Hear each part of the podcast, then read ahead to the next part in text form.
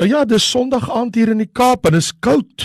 Hulle het gesê dit sal uh, gister sou dit blykbaar 1 gewees het en vanoggend maar 3 uur in die Kaap, so ons het bitter koue weer.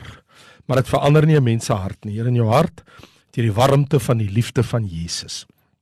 Ek lees vir jou in Hebreërs hoofstuk 9 vanaf die 23ste vers tot en met vers 28. In ander woorde, in ons reis deur die boek Hebreërs kom ons nou by die laaste gedeelte van hoofstuk 9. Dit was dus nodig dat die afbeelding van die dinge in die hemele deur hierdie offers gereinig moes word, maar die hemelse dinge self deur beter offers as hierdie. Want Christus het nie ingegaan in 'n heiligdom met hande gemaak, 'n teebeeld van die ware nie, maar in die hemel self om nou voor die aangesig van God vir ons te verskyn. Ook nie om homself dikwels te offer soos die hoofpriester elke jaar in die heiligdom ingaan met bloed wat nie sy eie is nie.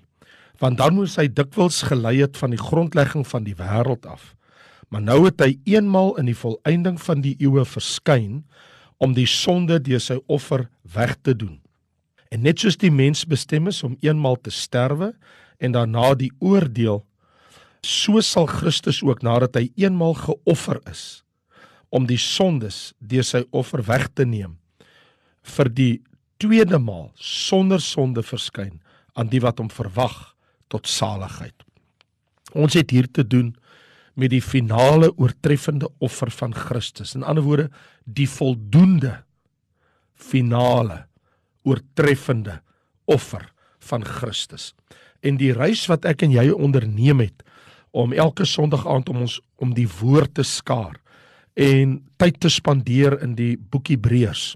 Bring ons by hierdie twee aspekte wat die hoofgedagte is hier aan die einde van Hebreërs hoofstuk 9 en dit is dit kom tog uit die geleesde gedeelte uit dat die Here Jesus Christus se opofferende kruisdood was voldoende om 'n einde te bring aan al die voortdurende offers.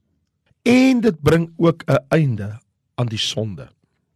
Die tweede gedagte is dat Christus se wederkoms bring 'n groot seën vir gelowiges.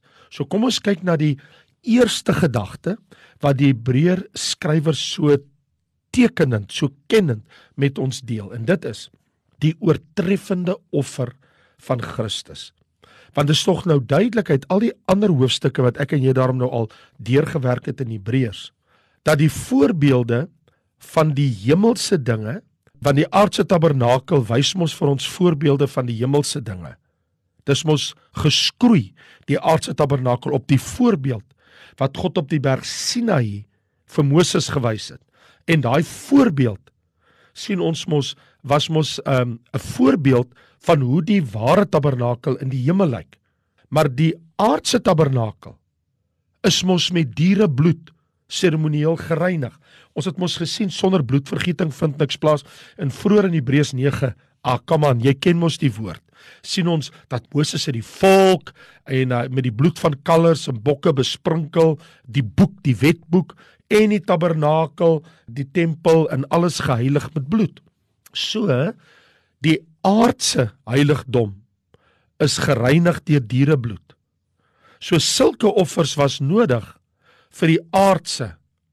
Maar die aardse is slegs verteenwoordigend van 'n groter realiteit, die ware tabernakel in die hemel. So die hemelse realiteit, die een wat in die hemel is, waarvan die aardse net 'n voorbeeld was, het nodig om 'n groter offer te ontvang as die aardse. En die hemelse benodig 'n beter offer as die aardse. Want die hemelse realiteit is selfs 'n groter as die aardse. Dit is hoekom die skrywer in vers 24 sê jy moet mooi luister. Vriende, luister mooi wat staan hier. Want Christus het nie ingegaan in 'n heiligdom met hande, met mensehande gemaak nie. 'n teebeeld van die ware, aan woorde 'n voorbeeld, 'n teebeeld van die werklike oorspronklike een in die hemel. Maar hy het in die hemel self verskyn voor die aangesig van God. So wat hy vir ons sê, Jesus het nie in 'n aardse tabernakel ingegaan nie, maar hy het in die werklike ware tabernakel in die hemel ingegaan ter wille van ons. En Christus se dood is 'n een eenmalige gebeurtenis. En onthou tog net in gedagte hier dat die Joodse geloof van die Ou Testament, ons praat nou van Judaïsme. Hulle moes mos dag na dag, week na week, maand na maand, jaar na jaar voortdurend offers bring by die aardse tabernakel. O nee, nie in die geval van Christus se offer nie. Vers 25 sê: Hy het ook nie verskyn ook nie om homself dikwels te offer nie, soos die hoofpriester elke jaar in die heiligdom ingaan met bloed wat nie sy eie is nie. Hy gaan nie met sy bloed daarin nie. Hy gaan met dierebloed daarin. Hy sê want dan moes Christus dikwels gelei het van die grondlegging van die wêreld af. Dan moet hy baie keer aan die kruis gesterf het. Hy sê nee, vers 26, maar nou het hy eenmaal in die volëinding van die eeue verskyn om deur die sonde deur sy offer die sonde weg te doen. Nie meer daaglikse offers nie. Die klem lê op die opstanding van Christus. Hy het opgestaan en hy lewe So hy hoef nie weer te sterf. Sy offer is ver voortreffliker. Meer voldoende as enige aardse offer. Hy het nooit weer nodig na sy kruisdood om 'n offer te bring nie. En die woordjie eenmaal word kragtig gebruik in die boek Hebreërs. Byvoorbeeld hier in vers 26. Nou het hy eenmaal in die volëinding van die eeue verskyn. As jy kyk in hoofstuk 7, die 27ste vers. Jesus het nie nodig elke dag soos die hoofpriesters om eers vir sy sondes te offer en dan vir die volkie, want hy het hom net eenmaal geoffer. In hoofstuk 9 het ons ook gesien in die 26ste vers eenmaal in die volëinding. In vers 28 eenmaal geoffer.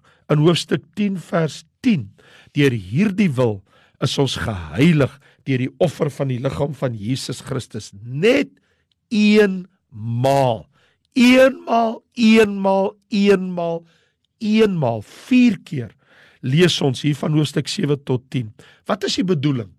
Die bedoeling is eens en vir altyd eenmaal het Jesus gekom en vir ons sy lewe gegee die prys betaal en gesterwe. Dis hoekom Romeine 6 vers 10 sê want die dood wat hy gesterf het, het hy vir die sonde eens en vir altyd gesterwe. Maar die lewe wat hy leef, leef hy vir God. Jesus Christus sy eenmalige offer is so effektief. Dit hoef nooit ooit weer herhaal te word nie. So vriende, Christus se onherhaalbare aksie het 'n ewige saligheid bewerkstellig. Die resultaat van Christus se kruisdood, sy verskyning, soos ons nou hier sien in vers 26 van Hebreërs 9, was om die sonde deur sy offer weg te doen. So, die aardse hoëpriester elke jaar, eenmal in die jaar, op die groot versoendag, die Yom Kippur, in die allerheiligste in die aardse tabernakel verskyn. Maar hierdie Jesus, die seun van God, ons verlosser, ons saligmaker, ons hoëpriester volgens die orde van Melchisedek, het eenmal, eenmal in die uit die hemel uit verskyn op die aarde, eenmal aan die kruis gesterf en eenmal in die hemelse tabernakel vir ons ingegaan om ons ewige saligheid te verseker. Natuurlik Die sonde is nog in die wêreld, maar die gelowige is vry van die magsgreep van die sonde. Vry van die houvas daarvan op sy lewe. Jesus het die tirannie van die sonde op ons lewe verbreek. Hy het dinge radikaal kom verander. Let op. Die gelowige se heiligdom is nou die een in die hemel. Dis nie meer 'n aardse heiligdom nie. Die gelowige se Vader is in die hemel. Die gelowige se saligmaker Jesus is in die hemel. En die gelowige se burgerskap sê Paulus is in die hemel. En nou bring dit my by die laaste twee verse. Vers 27 en vers 28. Net soos die mens bestem is om eenmal te sterwe en daarna die oordeel so sal Christus ook nadat hy eenmal geoffer is om die sondes van baie weg te neem vir die tweede maal sonder sonde verskyn aan die wat hom verwag tot saligheid. Nou hier's nou twee nuwe gedagtes. Ten slotte, voordat ons na hoofstuk 10 toe gaan en dit kan ons nou maar eers volgende week doen.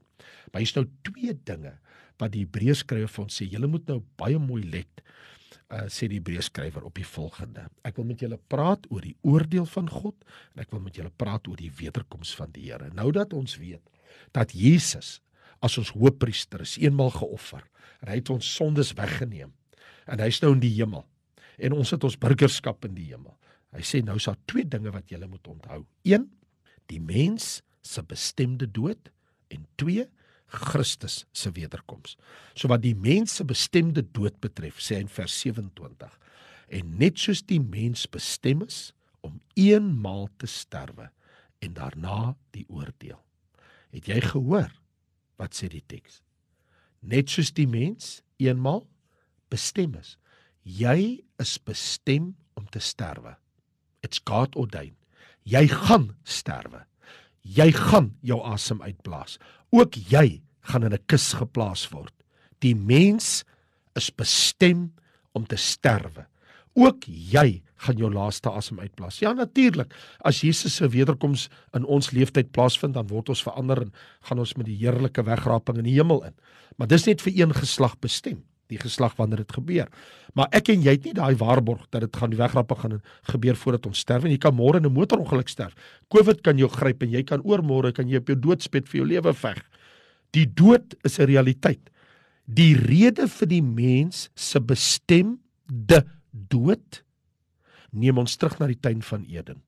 God het vir Adam en Eva gewaarsku om nie te eet van die verbode boom want dit sal verseker straf en dood beteken. Die moment van hulle rebellie en hulle ongehoorsaamheid het sterflikheid in die menslike ervaring ingebring. Dis hoekom ons sien in Romeine hoofstuk 5 vers 12 dat Adam ons voorvader se oortreding. Hy het die voorloper geword. Hy is die een dat in hom moet ons maar almal daai prys betaal. Ek bedoel dis tog nou maar duidelik. Hoofstuk 5 vers 12 sê vir ons, daarom soos deur een mens die sonde in die wêreld ingekom het. Dis Adam. En so die sonde die dood gebring het en die dood tot alle mens deurgedring het. So in ander woorde, alle mense sterf want almal kom uit Adam uit. Hy is ons almal se voorvader. As Adam nie jou voorvader was nie, kon jy nie sterf nie. Almal van ons stam uit Adam uit. Dis kom ons almal 'n sondige natuur het. Dis kom ons almal sterwe. As jy nie uit Adam uitkom nie, kan jy mos nie sterf nie. Die Bybel sê deur Adam. Nou hier's die punt. Ons lewe net eenmal en ons sterf net eenmal. En dan is daar die oordeel. En hy sê Christus was ook bestem om net eenmal te sterwe, want ook hy is uit Adam uit wat sy menslike natuur betref en wat sy vlees betref. Sy dood kan nooit weer herhaal word nie, omdat hy vir ewig lewe. Die dood is nie 'n soort natuurlike proses van een of ander kosmiese eksperiment wat iewers verkeerd geloop het in die verre verlede nie. Die dood is nie 'n natuurlike proses in die wêreld op die aarde nie. Dis deel van God se straf. Soos die mens bestem is om eenmaal te sterwe en daarna die oordeel. Dis God se straf vir sonde. Dis God se oordeel oor sonde. Die dood is die finale oordeel. Maar dit is God dank nie die einde van die storie nie, want dis goeie nuus. Die evangelie van Jesus bring hoop. En hierdie hoop is dat hy kom weer. Die volgende vers vers 28. Hy sê maar dis nie die einde van die storie nie. Hy sê, so sal Christus nadat hy eenmaal geoffer is, hy het ook eenmaal gesterf sonder sonde verskyn by sy wederkoms aan die wat hom verwag. So daar's lewe na die dood vir die wat op Christus vertrou. Dis nie die einde van die storie nie, dis nie die einde van die wêreld nie.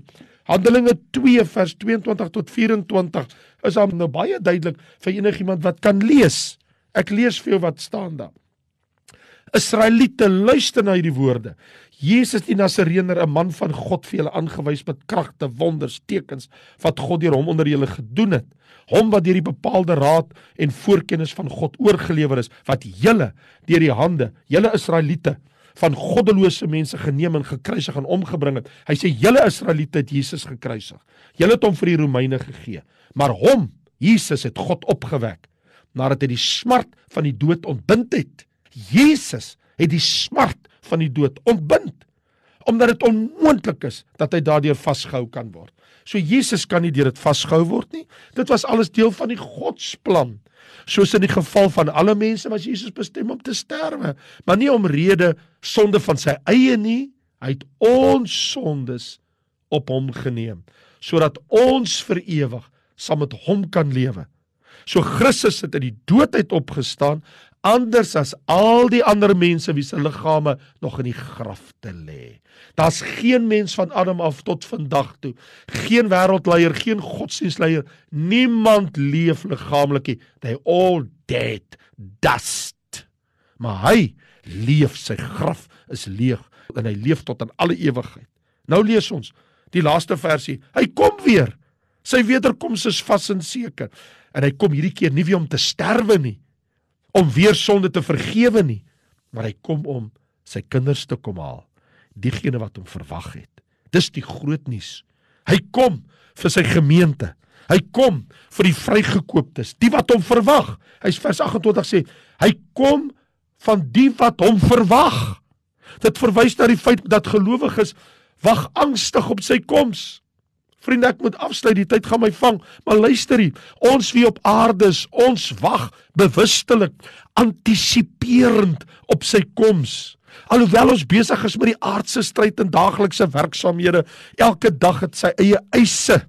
Maar hierdie hoop wat ons het, hierdie brandende verwagting, hy kan enige oomblik kom. So vir diegene wat hy as 'n vreemdeling voorkom, kom hy met 'n oordeel en hulle wag met siddering en bewering. Maar vir gelowiges met blye verwagting. So wat is die verskil tussen die twee verwagtinge? Die vraag is of die hart aan Christus verkleef is of nie. Verwag jy hom? Wag jy vir hom? Vader, ons wil U loof en prys en dank vir hierdie goddelike woord wat ons nou ontvang het.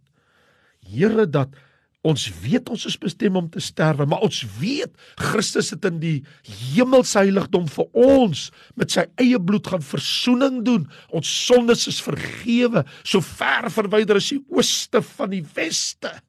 O Here, ons wil U loof en prys. En dankie Here dat al is ek bestem om te sterwe, daar's 'n ewige hoop Ons het die ewige lewe in Christus Jesus. Hierdie liggaam sal met 'n onverderflike, onsterflike liggaam aangedoen word en hierdie verganklike sal met onverganklikheid bekleed word en dan sal die dood verslind wees in die oorwinning. En wat sal ons vir die doderyk en die tweede dood in die ewige hel sê? Want dit is alles oorwin deur Christus Jesus. Here ons loof U vir vergifnis van sonde. Here ons loof U dat die dood nie die einde is nie. Here ons loof U dat U weer terugkom. Ons verwag U, Jesus, Maranatha. Ons verwag U. Kom, Here Jesus, kom gou. Amen. Ek is Raymond Lombard. Was heerlik om met jou te gesels uit hierdie goddelike woord uit. Wie wat as die Here my spaar? En vir jou, dan kuier ons volgende week weer om die woord. Baie dankie en totsiens.